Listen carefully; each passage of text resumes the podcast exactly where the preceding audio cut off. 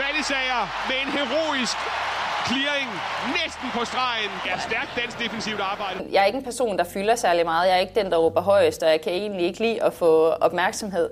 Øhm, men jeg er, øh, jeg er ret kritisk over for mig selv, og jeg stiller høje krav til mig selv. Og det er nok også det eksempel, man gerne vil vise andre, at man skal altid vise sig fra sin bedste side, både til, til træning og til kamp. Og jeg tror også, det er det, der har været med til at give mig anførbinden, fordi jeg altid viser mig som et, øh, som et godt eksempel.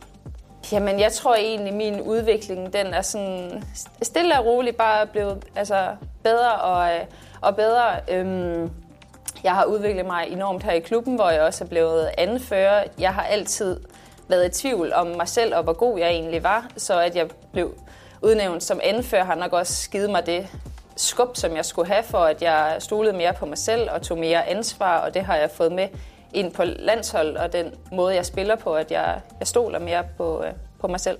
Jeg vil ikke kalde mig stille.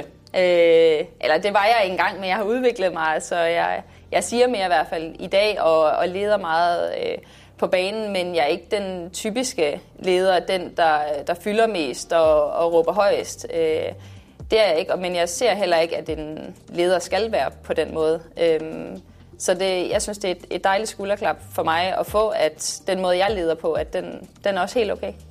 Som forsvarsspiller, så har du ikke en statistik, der viser, at du laver assist og du laver mål. Det er det arbejde, du gør foran mål og for de andre spillere, så man skal jo se mig for at, at følge med i, hvad jeg egentlig gør. Så jeg synes virkelig, det er stort.